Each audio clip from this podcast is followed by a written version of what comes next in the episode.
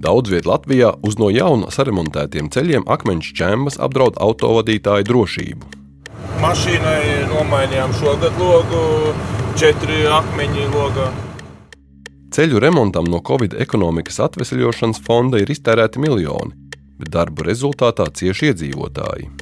Tas nozīmē, ka tehnoloģija, kas bija iepriekš izstrādāta uz uh, konkrētiem materiāliem, uh, viņi principā vairāk pilnībā nestrādāja. Bet par ceļu uzturēšanu atbildīgais uzņēmums Latvijas valsts ceļi ļauj vilkt garumā brauktuju garantijas remontu. Vizuāli viņš neizskatās smuki, es pat teiktu, neskaisti. Kāpēc teju trešā daļa no reģionāliem ceļiem, kur ir salaboti par covid naudu, ir nekvalitatīvi? Un vai atbildīgie ceļu būves uzņēmumi salabos šoseis atbilstoši projektam? To atvērto failu pusstundā pētīšu es, Andrejs Vasks. Pirmā daļa - lidoja jau no pirmās dienas.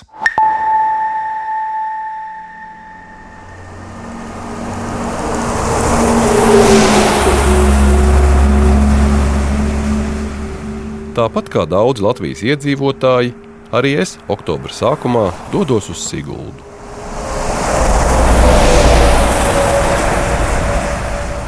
Mana brauciena mērķis gan nav baudīt sarkanzeltainās koku lapas gaujas senlajā. Es gribu pārliecināties, vai beidzot ir sataisīts autoceļš Ragana Turaida. Vietējie iedzīvotāji jau divus gadus medijos ik pa laikam sūdzas, ka nekvalitatīvs ceļa remonts viņiem bojā mašīnas. Kad ar mašīnu nogriežos no Valmieras šosejas uz Turaidu, es redzu, ka uz brauktuves tumšākie asfalta slāņi mijas ar gaišākiem. Vietām tas ir smalki grubuļains, bet citviet rēgojas vecais klājums. Ceļa nomals ir noklāts ar sīkām šķembām, vietām ir stikla lauskas. Izlikts arī ceļa zīmes, kas brīdina par uzbērtām šķembām, aizliedz apdzīt, kā arī iesaka braukt ar ātrumu 50 km/h. Tās atkārtojas regulāri aiz katra krustojuma. Tā nevajadzētu izskatīties nesen atjaunotam ceļam.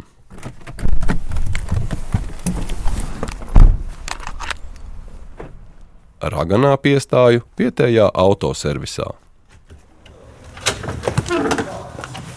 Labdien! Veiksmi darbos! Labdien! Tā, cilvēku. Es satieku autoservisa vadītāju Jāni un viņam vaicāju, vai nekvalitatīvais remonts nav audzējis pieprasījumu pēc vēstiklu un lukturu maiņas. Jūs ar to logu maiņu nodarbojaties? Nenodarbojamies, bet nu, pašiem arī logi ir ārā viss. Jā? Jā, man sieva brauc uz rīņķi. Nu, tagad nebrauc, tagad ir kaut bišķi uzlabojies. Aha. Bet, principā brauc, jā, uz Siguldiņu brauc rīņķīts ar sēnīti. Uz darbu. Kamēr automehāniķi pirms darba cēlienu tērzē pie autopacēlājiem, Jānis stāsta, ka teju katram apkārtnes iedzīvotājam ir gadījusies kāda čemba auto logā. Nē, nu ceļš jau bija normāls. Pēc remonta viņš bija nu, daudz sliktāks nekā pirms remonta. Pirmais tas, kad visa mašīna bija nolipusi ar to bitumu karstā laikā. Nu, un, un, un pie akmeņa, jā, nu, tur tie lidoja jau no pirmās dienas pa gaisu. nezinu. Man ir busam, nu, pēc lukturs izsists. Logā man liekas, jau kaut kādi, nezinu, pieci vai seši punkti, nu, plus vēl tur plājas ir iekšā. Jānis rēķina, ka zaudējumi sniedzas daudzos simtos eiro. Viņa busiņam bija izsists lukturis, kas maksāja 80 eiro, vēja stikls 200. Arī citām viņa mašīnām ir sabojāti stikli, par ko vēl būs jāmaksā, jo citādi nevarēs iziet tehnisko apskati. Lūgturs izsists, vai jūs mēģināt kaut ko nezinu, piedzīt, apdrošinātājiem prasīt? Vai, Nu, vai... tas taču bezjēdzīgi. Tur nav kasko, nu, ja būtu kasko, tad, tad jā. Promajot aplūkoja pie servisa novietotās automašīnas. Tiešām, gandrīz katrai otrajai vējstiklos var redzēt sīkus akmentiņu iesistus robus.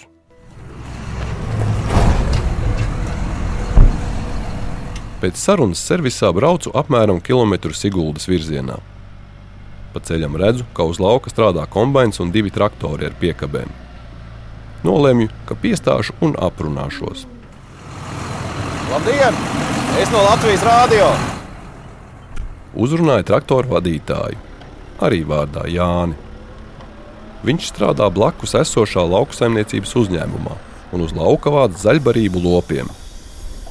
Problēma ar lidojošām šķembām viņam ir labi zināma, un arī viņš pats ir cietis nekvalitatīvā ceļa dēļ. Traktoram izsit logu. Mašīnai nomainījām šogad logu, četri akmeņi logā. Un Praktiski visām mēs tepat strādājam, te fermeri blakus. Praktiski visām mašīnām ir roka. Logos. Traktoram uzreiz ir klēpī lokus arī ne tā kā mašīnai. Viņiem trāpīja akmens un viss izbirst. Viņam nav ar plēvi iekšā lokus. Un cik tāds maksā? Divas nedēļas jāgaida un, manuprāt, kaut kāds 600. Lauksaimniecības uzņēmuma transportam ir kasko apdrošināšana. Tāpēc lielākais zaudējums ir tehnikas dīkstāve, nevis loga cena. Jānis ir pikts uz Siguldas ainavu baudītājiem. Viņš stāsta, ka vietējie īpaši baidās par savu auto stiklojumu nedēļas nogalēs. Ir jau šitie pilsētnieki. Turisti sestdien, svētdien, labi skatīties, viņiem neinteresē ne apdzīšanas aizliegumi, ne ātrumi, nekas. Viņi vēl tā kā maz neliekas. Pēc sarunas ar lauksaimnieku Jāni es interneta meklētājā atrodu autoservisu Siguldā, kas reklamē arī logu nomaiņas pakalpojumu. Es gribu noskaidrot, vai viņiem ir pieaudzis klientu skaits. Ceru, ka tas ļaus apjaust problēmas mērogu. Servis atrodas uzreiz aiz Siguldas robežas, uz cēsu pusi. Sataisīja raganas ceļu, novēr visu rakmetiņiem, pēc tam praktiski katru nedēļu apdrošināšanas pieteikumu par tiem akmetiņiem, ka ir stikla man pašai. Manai mašīnai arī uz raganas ceļu. Servisa klientu pieņemamajā telpā līdz ar administratoru ievu atrodas arī divi vīrieši. Tiklīdz viņi izdzird manu jautājumu par logos lidojošiem akmeņiem, tad visiem ir ko teikt. Viens no kungiem izrādās ir servisa īpašnieks. Viņu sauc Artūrs. O jā, man visam evakuatoram stikli beigti, jo es tur braucu strādāju reģionā, un visi ragana, mālpils, ceļi visiem evakuatoram beigti stikli. Artūrs stāsta, ka stikli sāka plīst pirms diviem gadiem, kad apkārtnē vairākus ceļus laboja ar sīkšķembām un bitumu. Visām darba mašīnām stikli jau ir nomainīti. Arī klientu ir ievērojami vairāk. Pēc klientiem es teiktu, mums nekad nav stikliem. Kādreiz mēs taču nu strādājam, nu cik tagad gadus. Nu, tieši ar apdrošinātiem 5 gadi, 6 gadi tagad esmu nostrādājis. Nu, pēdējā gada laikā, un tagad, kā šitos uztaisiet, tā mums stikli ir nenormāli augšā. Tas viens cilvēks strādā tikai uz stikliem. Tikai. Viņš katru dienu 3-4 stiklus nomaina viens pats. Mm. Nu, tad rēķina, kur tā viņi radās. Un pārsvarā visiem ir punktiņš, visiem punktiņš, punktiņš. No lidojošiem akmeņiem saplēsājuši vējstikli, izsisti lukturi un sabojātas auto virsbūves patreiz ir skarbā realitāte uz autoceļa P84 Madona Varakļāni. Vēl tikai pērn augustā šeit noritēja virsmas atjaunošanas darbi, un iedzīvotāji priecājās, ka ceļš beidzot tiks sakārtots, taču šobrīd pat to pat baidās braukt. Par Madonas Varakļānu ceļa katastrofālo stāvokli televīzija RTV ziņoja pagājušā gada februārī. Pie šī autoceļa atrodas Mūrmastienas pagasta pārvalde. Tās vadītājiem Jānim Mozgam tagad prasu, vai pusotra gada laikā ceļš ir salabots. Nu, nē, nu, es saku, jo vienīgais, kas tur notika, kad, kad varbūt tur nu, es katru dienu tīri, tīri katru dienu mēs ar tā nebraucam. Tā kā viņi varbūt noslaucīja, tās šķembas ir nonestas, noslaucītas uz, uz malu. Manis iepriekš minētie ceļi, kurus pirms diviem gadiem vasarā noklāja ar bitumenu un šķembām, nav vienīgie, kuru virskārta ir sabrukusi un bojā mašīnas. Tādu ceļa posmu visos Latvijas novados ir apmēram desmit. Otra daļa - frezēšanas darbiņi. Labdien, preses konferences dalībnieki, klausītāji, skatītāji! Esiet sveicināti preses konferencē, kurā informēsim par pieņemtiem lēmumiem kārtējā ministra kabineta sēdē šodien. 2020. gada pavasarī premjera preses sekretārs Sandris Sabājevs ievada preses konferenci pēc valdības sēdes. Latvijā ir izcēlies Covid uzliesmojums, ir sākušās dīkstāvis un mājasēdes. Valdībai ir bažas, ka ekonomika sāks buksēt. Valdībā mēs šobrīd sākam pievērst daudz lielāku uzmanību tieši ekonomiskajiem jautājumiem, ar vienu pamatmērķi saplānot, kādā veidā mēs varēsim atkopties ekonomiski pēc šīs krīzes. Viens no premjera Krišjāņa Kariņa pieminētā plāna punktiem bija atbalsts ceļu būvēi. Pirms krīzes pieņemtajā budžetā tam bija atvēlēti 250 miljoni eiro, bet pavasarī, kad sākās pandēmija, valdība ceļu remontiem piešķīra papildu naudu. Lai stimulētu ekonomisko attīstību Covid-19 krīzes laikā, valdība lēmusi ceļu būvniecībai piešķirt papildus 75 miljonus eiro. Satiksmes ministrija norāda, ka par šo naudu plānots atjaunot segumu tiltiem un dažādas nozīmes ceļiem aptuveni 500 km garumā. Autoceļu tīklu pārvalda valstī piedarošs uzņēmums Latvijas valsts ceļi. Tam bija jāizlemj, kādus ceļus un kādā veidā par papildu miljoniem remontēt. Pašā aprīļa beigās piešķirtā nauda bija jāiztērē līdz gada beigām. Intervijai uzrunāja Latvijas valsts ceļu valdes locekli Gundaru Kainu. Viņš stāsta, ka uzņēmums nolēma, ka papildu naudu izmantos, lai remontētu ceļus ar dubultās virsmas apstrādes tehnoloģiju. Tika izvēlēts šis vienkāršotais būvprojekts, kuru var realizēt tajā pašā būvniecības sezonā, tajā pašā laikā. Jo visos pretējo, pretējos gadījumos ir jātaisa būvprojekts.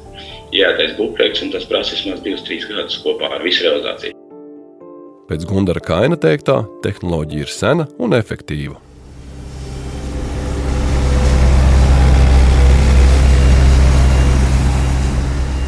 Vispirms asfaltētam ceļam nolīdzina virskārta, to nofrēzē vai arī aizber negludums. Pēc tam virsmu noklāja ar šķidru bitumenu, kuru pārber ar sīkšķembām. Čembas noblietē ar asfalta rulli, un pēc tam ceļu turpina pieblietēt arī mašīnas, kuras par to brauc ikdienā. Tāpēc nedēļu pēc remonta uz šādiem ceļiem nosaka ātruma ierobežojumus. Savukārt čembas, kuras nav iespiestas bitumenā, strādnieki pēc darbu pabeigšanas noslauka. Kains stāsta, vecajam asfaltam šī tehnoloģija ir ļoti veselīga jo šķidrais bitumens aizpilda plaisas un ceļš bez nopietna remonta var kalpot daudzus gadus. Un tas nav viss. Teiksim tā, virsmas apstrāde trīsreiz lētāk. Jo tā ir pilnīgi cita tehnoloģija. Viņi pagatavo tātad, šo produktu, kas saucās virsmas apstrāde, ko mēs secinājām, ka tas ir izstrādājums. Viņu pagatavo uz ceļa. Pirms tam pārbaudot, vai sapastās lietas, vai atbilst bitumens, sajiet kopā ar tām mehāniskām daļām. To ražo uz ceļa. Turpat uz vietas atveda visu darbu. Tomēr tehnoloģija ir arī savi mīnusi. Ar to var strādāt tikai sausā un siltā laikā. Ja to neievēro, tad akmentiņi nesalīp ar bitumenu un virskārta neturas kopā. Parasti uzņēmums ceļa remontam atvēlēto naudu sadala jau rudenī un ziemā, lai pavasarī strādnieki uz ceļa jau varētu strādāt. Bet pirms diviem gadiem vajadzēja rīkoties ātri, tā ekstra nauda tika iedota stipri vēlāk. Līdz ar to mēs vēlāk sākām pirkt, un diemžēl mēs ļāvām strādāt nedaudz ilgāk. Protams, ka visam tam mēs likām saspringts laika termiņus, lai nu vismaz tajās mūsu tehnoloģijās trāpītu iekšā. Viņš arī atgādina, ka Latvijas valsts ceļi un satiksmes ministrija, kas to pārauga, lēmumus par izvēlēto tehnoloģiju un to, cik kilometrus remontēt, nepieņem voluntāri. Tos saskaņo ar ceļu būves industriju. Tad, kad mēs sākām visu šo, ka mums to naudu nepietiekamo iedeva, mēs ar nozari runājām, vai tā kā varēsim. Nozare saka, varēsim. Bet izrādījās, ka tā kapacitāte nepietika. Nepietika nozarei kapacitāte. Tiesības remontēt Turaidas raganas ceļa virskārtu ieguva ceļu būves kompānija Binders. Tā solīja ceļu gandrīz 10 km garumā, noklāt ar bitumenu un šķembām, par nedaudz vairāk kā miljonu eiro, ieskaitot pievienotās vērtības nodokli. Binders nolīga apakšnieku uzņēmumu Limbažu ceļi. Protams, pilnīgi visai Latvijai bija līdzvērtīgas problēmas. Jā. Eģus Voss ir uzņēmuma Limbažu ceļi būvniecības nodaļas vadītājs. Es viņu satieku firmas Binders birojā Rīgā, kas atrodas Pļauniekos. Virsmas apstrādi eh, reāli var veikt līdz 15. augustam. pēc ceļu specifikācijām un pēc virsmas apstādes rokas grāmatas. Mēs šajā teiksim, ietvarā, 75 miljonu ietvarā, virsmas apstrādes varējām sākt veikt teiksim, no jūlija sākuma, varbūt jūlija vidus, kur vēl ir jāveic konkrēto objektu priekšdarbi, kas ir teiksim, apauguma noņemšanas vai frezēšanas darbiņi. Eģis Voss stāsta, ka jau sākumā bija skaidrs, ka termiņu, kurā ar šādu tehnoloģiju jāapstrādā ceļš, nebūs iespējams ievērot. To zināja arī pasūtītājs Latvijas valsts ceļi. Tas risku par iespējamiem defektiem tehnoloģijas neievērošanas dēļ pieprasīja uzņemties būvniekam. Visi pretendenti piekrita, jo cerēja, ka būs labs laiks un darbus varēs pabeigt līdz iestāsies rudens drēgnums. Šajā gadījumā mēs eh, visas uzņemtās saistības realizējam teiksim, līdz septembra beigām, līdzīgi kā pārējie uzņēmumi. Tomēr tas, kādēļ ceļa virsma sāka brukt, nebija atkarīgs tikai no tā, vai būvnieki ievēro vajadzīgo apstrādes tehnoloģijas režīmu. Vislabāko bitumenu ceļu būvē ražo no naftas, kuru iegūst Venecuēlā. Pirms trim gadiem ASV Venecuēlas naftu iekļāva sankcijās, tāpēc bitumena ražotāji meklēja aizstājēju. Taču jaunais produkts vairs nebija tik kvalitatīvs, stāsta Voss. Tas nozīmē, ka tehnoloģija, kas bija iepriekš izstrādāta uz uh, konkrētiem materiāliem, uh, viņi principā vairāk pilnībā nestrādāja. 2020. gada beigās, kad Turaidas raganas ceļu nodeva eksploatācijā, tas vizuāli atbilda tehniskajām prasībām. Taču īstais pārbaudījums bija pavasara atkušņi. Nekvalitatīvais bitumens nespēja saturēt sīkās čembas, un tās sāk atdalīties no ceļa. Šī nelaime piemeklēja arī Varakļānu Madonas ceļu un daudzus citus. Būvnieki to nesot varējuši paredzēt. Turklāt vēl līdz galam nepabeigtos ceļus papostīja arī nepacietīgie autovadītāji. Turpina Eģus Voss ja teiksim, neievēro noteikto ātrumu, kāds ir šobrīd virsmas apstādes tajos posmos uzlikts, automašīnas straujāk bremzē, vairāk apdzen, straujāk teiksim, uzņem ātrumu, un tas rada visas šķērslodzes, kas izbīda šķembiņu no tās ieņemtās pozīcijas. Vosam piebalso arī Gunārs Kains no Latvijas valsts ceļiem. Es jau negribu to atbildību tagad novēlt uzreiz, bet būtībā mēs objektos saliekam ceļzīmes 50.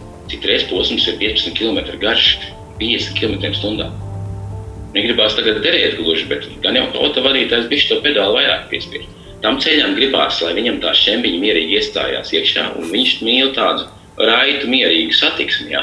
Savukārt, vai autovadītājs ieliekot un pat varbūt apzinot uz šī ceļa, ja? rautas šķēmas augšā. Kains piebilst, ka līdz ar to par sabojātām mašīnām līdzatbildīgi ir arī autovadītāji. Šis ir baigi būtiski saprast, ka nu nav tādu vienīgo vainīgo. Trešā daļa neskaisti.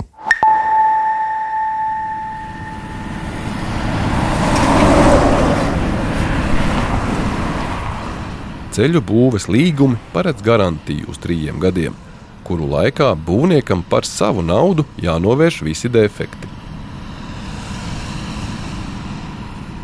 Lai gan šķembas ir nobirušas teju no visa remontētā ceļa starp Raganu un Turaidu, uzņēmumi Binders un Limbažu ceļi Pagājušajā gadā saremontēja tikai atsevišķus tā posmus. Visiem iepriekš uh, problemātiskajiem ceļiem uh, mēs jau šobrīd esam, kā Limbaģis ceļā, esam ieguldījuši vairāk kā pusmiljonu tikai garantijas seguma remontiem, virsmas apstrādes objektiem. Uh, par konkrēto ceļu posmu runājot, tajā 21. gada sezonā mēs jau ieguldījām garantijas remontā vairāk kā 100 tūkstoši. Tomēr remonts nelīdzēja. Abas kompānijas sola, ka ceļu salabos nākamgad, pēdējā garantijas gadā. Injekcija labi domāta, tad beig, nu, lai jūs atbalstītu kā uzņēmumu, tad beigās jums tas rada zaudējumus, ja tās tehnoloģijas beigās. Jā, tieši tā. Madonas Varakļānu ceļu, par kura bēdīgo stāvokli pēc remonta ziņoja televīzija RTV, būvēja uzņēmums 8CBR. Uz manu jautājumu, kad tā plāno veikt garantijas remontu, es saņēmu šādu rakstisku atbildi. Uzņēmums Latvijas valsts ceļi 2022. gadā nav vērsies ar šādu lūgumu pie uzņēmuma 8 CBR. Vēlamies uzsvērt, ka uzņēmums vienmēr godprātīgi izturas pret visām garantijas saistībām, tās pilda un plāno pildīt arī nākotnē, gadījumos, kad tiek saņemti šāda veida pieprasījumi no pasūtītāja. Latvijas valsts ceļu un būvnieku noslēgtajos līgumos teikts, ka garantijas laikā konstatētos defektus izpildītājs novērš par savu naudu pasūtītāja noteiktajā termiņā. Tas var izmaksāt miljonus, jo jāpārbūvē desmitiem kilometru brauktuvju. Turklāt ir cēlušās būvmateriālu cenas. Latvijas valsts ceļi ir pretim nākoši ceļu būves firmām. Šā gada būvniecības sezonā tas neuzstāja, ka būtu jāsataisa visi brāķētie ceļi. Tāpēc, ka pirmkārt šajā sezonā bija īpaši, tad, kad mēs nu, īpaši uzspiedām, lai labo visus tos brāļus, kas bija sakrājušies jau no 20. gada. Ja? Eh, pirmkārt, to bitumenu bija vienā brīdī vākums pilnīgākais. Otrkārt, būsim godīgi, notiek pati būvsezona. Nu, tad ir noteikti arī citi darbi. Būvniekam ir noteikti resursi. Jā. Un, protams, ka tos posmus, eh, kuros eh, satiksme varēja iet, satiksmes ierobežojušās zīmes noņemtas, jā, vizuāli viņš neizskatās smuki. Es pat teiktu, neskaisti, jā, bet viņš vienkārši ir tagad, kāds tur brauc. Tur akmeni nevar logā dabūt. Viņš ir labi izbraucams uz 90, tur nekas nenotiks, un mašīna arī tik nekratīs. Latvijas valsts ceļi pilnībā kontrolē visu ceļu būves procesu. Tā vienlaikus ir gan pasūtītājs, gan arī būvvalde. Vai šādā situācijā nerodas interešu konflikts? To jautāju ekonomikas ministrijas būvniecības politikas departamenta direktorai Olgai Feldmanai. Kopumā būvvaldes loma ir aizstā, aizsargāt sabiedrības intereses. Tas ir pamatā, kas jādara būvvaldei. Viņa stāsta, ka Latvijas valsts ceļi ir reizē gan pasūtītājs, gan arī būvvalde jau kopš 90. gadiem. Tā kā būvvaldes funkciju pilda pašvaldības, bet ceļi savukārt šķērso daudzas pašvaldības, tad šo uzdevumu tā arī uzticēja uzņēmumam. Loģika tur apakšā ir. Olga Feldmane gan atzīst, ka īsti pareizi tomēr tas nav. Būvvaldei hierarhiski būtu jābūt virs uzņēmuma, kas nozīmē satiksmes ministrijas līmeni, Tādēļ viņai ir šaubas, vai pasūtītāja un sabiedrības interešu aizsardzības loma Latvijas valsts ceļu ietvaros nenonāk konfliktā. Mēs paņemam klasiski pašvaldības būvvaldi, ja viņi redz, ka tur viņu, labi, viņu iela nē, bet ēka ir tādā stāvoklī, ka viņi rāda bīstamību, tad būvvalde var gan aizliegt eksploatāciju, gan arī uzdot par pienākumu iekonservēt, nojaukt, nu, visu, ko var. Nu, nevis visu, ko, bet būvvalde ir sava kompetence. Šajā gadījumā, protams, viņi ir paši gan pasūtītais, gan būvvalde, un tad viņi paši sev uzdot apturēt eksploatāciju konkrētajā posmā vai nodrošināt sabiedrības interesu ievērošanu, atjaunojot to ceļu. Tas, vai būvfirmas izpildīs līgumus un brauktuves atbildīs projektam, ir atkarīgs tikai no Latvijas valsts ceļiem. Gunārs Kains gan sola, ka ceļi būs kārtībā. Protams, ka viņam jābūt tādam, kādu mēs esam pasūtījuši. Kā saka, saimnieks pasūta un, un izpildītājs izpildīja. 2023. gadā Es domāju, ka būvnieks atnāks un sakārtos viņu atbilstoši. Ja Latvijas valsts ceļi prasīs skrupulozi izpildīt nosacījumus, tad smagi cietīs ceļu būves kompānijas. Ja savukārt pievērs acis, tad uzņēmuma vadība riskē pārkāpt valsts līdzekļu izšķērdēšanas novēršanas likumu. To, cik principiāla būs uzņēmuma vadība, mēs uzzināsim nākamā gada rudenī, kad beigsies trīs gadu garantijas termiņš ceļu defektu novēršanai.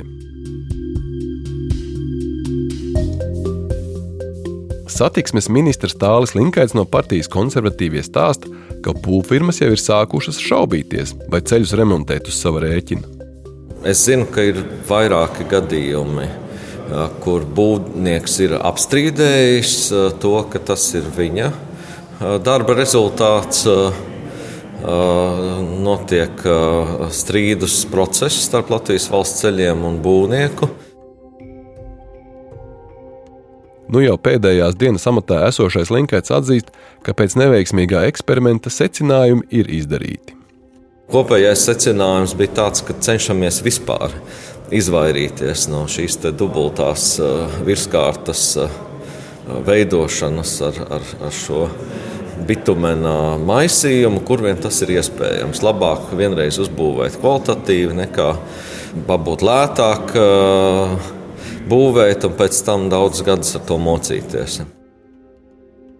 Zaudējuma atlīdzību par bojātiem autovēstikliem divu gadu laikā Latvijas valsts ceļi samaksājuši apmēram 20 cilvēkiem.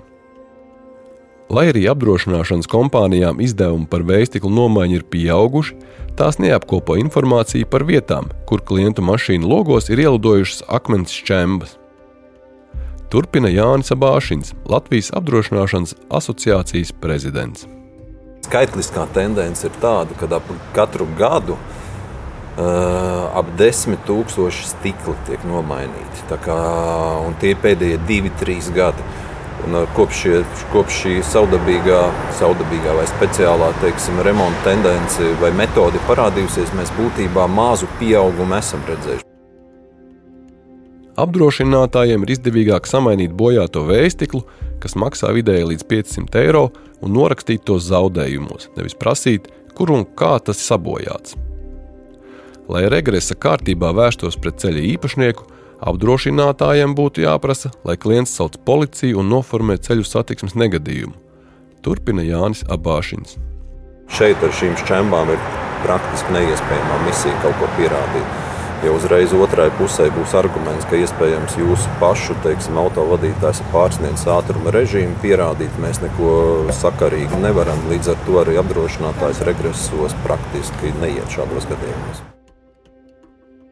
Neviens no manis uzrunātajiem cilvēkiem, kam uz nekvalitatīvā ceļa mašīnai ir sabojāti stikli, nav prasījis atlīdzību ceļa īpašniekam. To nav prasījis arī Siguldas autoservisa īpašnieks Artūrs. Un esat mēģinājis kaut ko nezinu, no kādam zaudējumu piedzīt, mēģināt nezinu, no valsts ceļiem vai no tā ceļu būvniecības kompānijas kaut ko. Neticat, ka kaut ko var izdarīt? Nu, varbūt varētu, bet tur vajag jāņemās. Ir, ir, ir jau ko darīt, nav tā, ka mēs tikai apmeklējamies. Saviem darbiem netiek galā, var rakstīt, kaut ko tur stāstīt, tagad fotografēt. Ceļu apsaimniekotājs un būvnieki sabrukušo autoceļa virskārtu Siguldas apkaimē plāno remontēt nākamvasar. Tikmēr traktorists no Raganas ar bažām gaida ziemu. Nu, praktiski ziemā ir sevišķi. Tā kā tīri ceļi, viņi visi ar tām lāpstām uzplēs atpakaļ, un tad nāk ar to putru logātie akmeņi.